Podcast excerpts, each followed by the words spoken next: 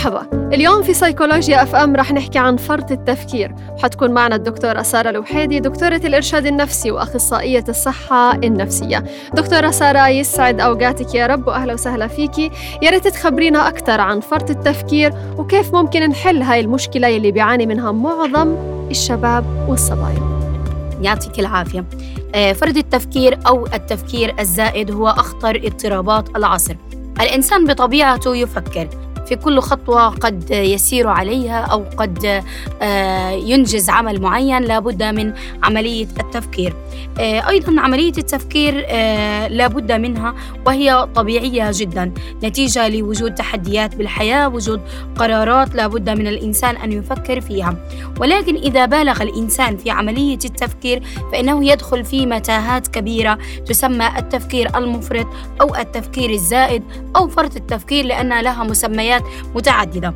ويمكن أن نعرفها بأنها هي عبارة عن عملية انشغال زائد للعقل بالتفكير بطريقة مبالغ فيها مما يسبب الإرهاق والتعب للعقل نتيجة لبعض الأمور التي قد من, من الأساس أن يتم إنجازها بعملية التفكير ولكنها عملية تفكير مبالغ فيها آه، تأخذ حجما أكبر من عملية التفكير وإرهاق بالعقل أكثر من اللازم.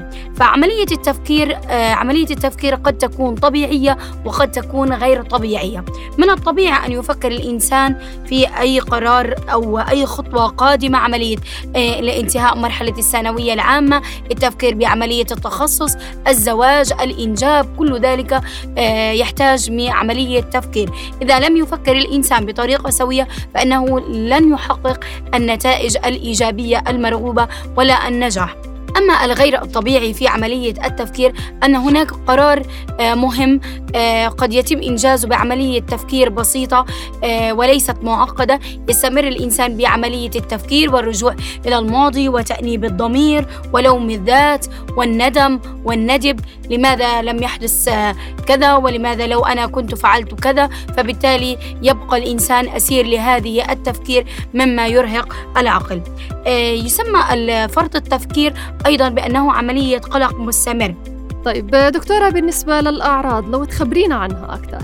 تظهر مجموعة من الأعراض على الشخص المنفرط بالتفكير منها نقص بالتركيز التشتت عدم الانتباه مشاكل بالنوم آه، الندم فقدان الشغف بالحياة أمراض جسدية آه، أيضا أمراض آه، أمراض نفسية كالقلق والاكتئاب والتعب والإرهاق النفسي والإجهاد هي لها مجموعة من الأسباب وهي التوقعات العالية الصدمات النفسية الصدمات الانفعالية اضطرابات بالشخصية ويترك آثار كبيرة.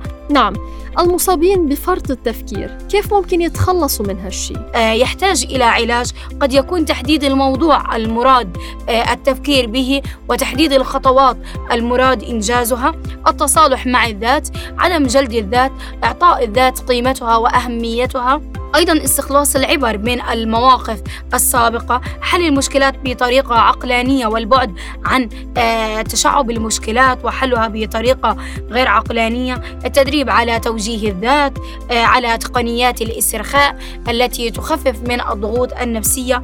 أيضا الاستمرار بعملية التفريغ النفسي الانفعالي. أيضا انشغال الذات بما هو إيجابي. مراجعة مختص في حال أن الإنسان أو الأخصائي النفسي في حال أن الإنسان لم يستطيع أن يتجاوز آه، هذه المشكلة.